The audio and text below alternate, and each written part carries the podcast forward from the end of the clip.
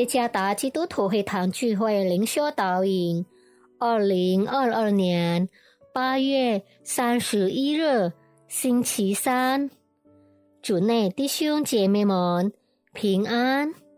今天的灵修导引，我们会借着圣经希伯来书第十三章第四节来思想今天的主题。尊重婚姻。作者尤文静传道。希伯来书第十三章第四节：婚姻人人都当尊重，床也不可污秽，因为果和行淫的人，神必要审判。有一天，一位教会执事同工。打电话给他的牧师，他说他的妻子不再爱他，并决定离婚。其实，在这件事发生之前，他们积极的参与教会事工。这位教会执事童工受到很大的打击，他不明白。为什么他的妻子忍心和别的男人远走高飞，留下他和四个孩子？服侍他的牧师对这件事的发生也受到打击，并感到遗憾。现今外遇的问题不仅发生于非基督徒家庭，也发生于基督徒家庭。甚至发生在教会执事同工的家庭。撒旦很高兴看到许多破碎的家庭，这就是他从一开始的目的。而我们的神却要每一个家庭都能很好的建立起来。神要我们的家庭幸福。他要我们珍惜婚姻，并保持我们的婚姻圣洁。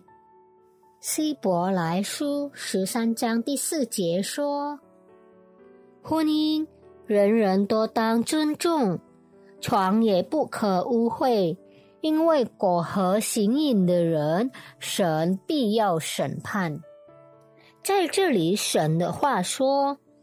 那些对婚姻不忠的人将受到神的审判，这是神非常重视的事情。婚姻是神设立的制度，不能被外遇所玷污或被人拆散。不管你结婚的原因是什么，受安排的、强迫的，或是发生意外而结婚的。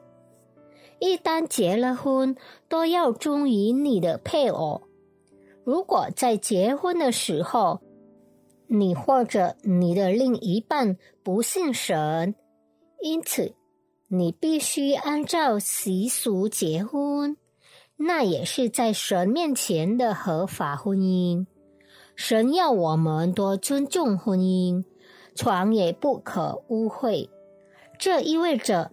我们必须保持和尊重已经被建立的家庭，不要背叛我们的配偶。今天你家庭的情况如何？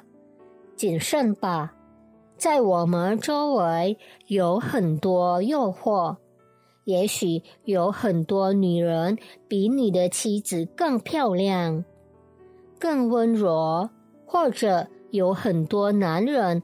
比你的丈夫更英俊，更有男子气概。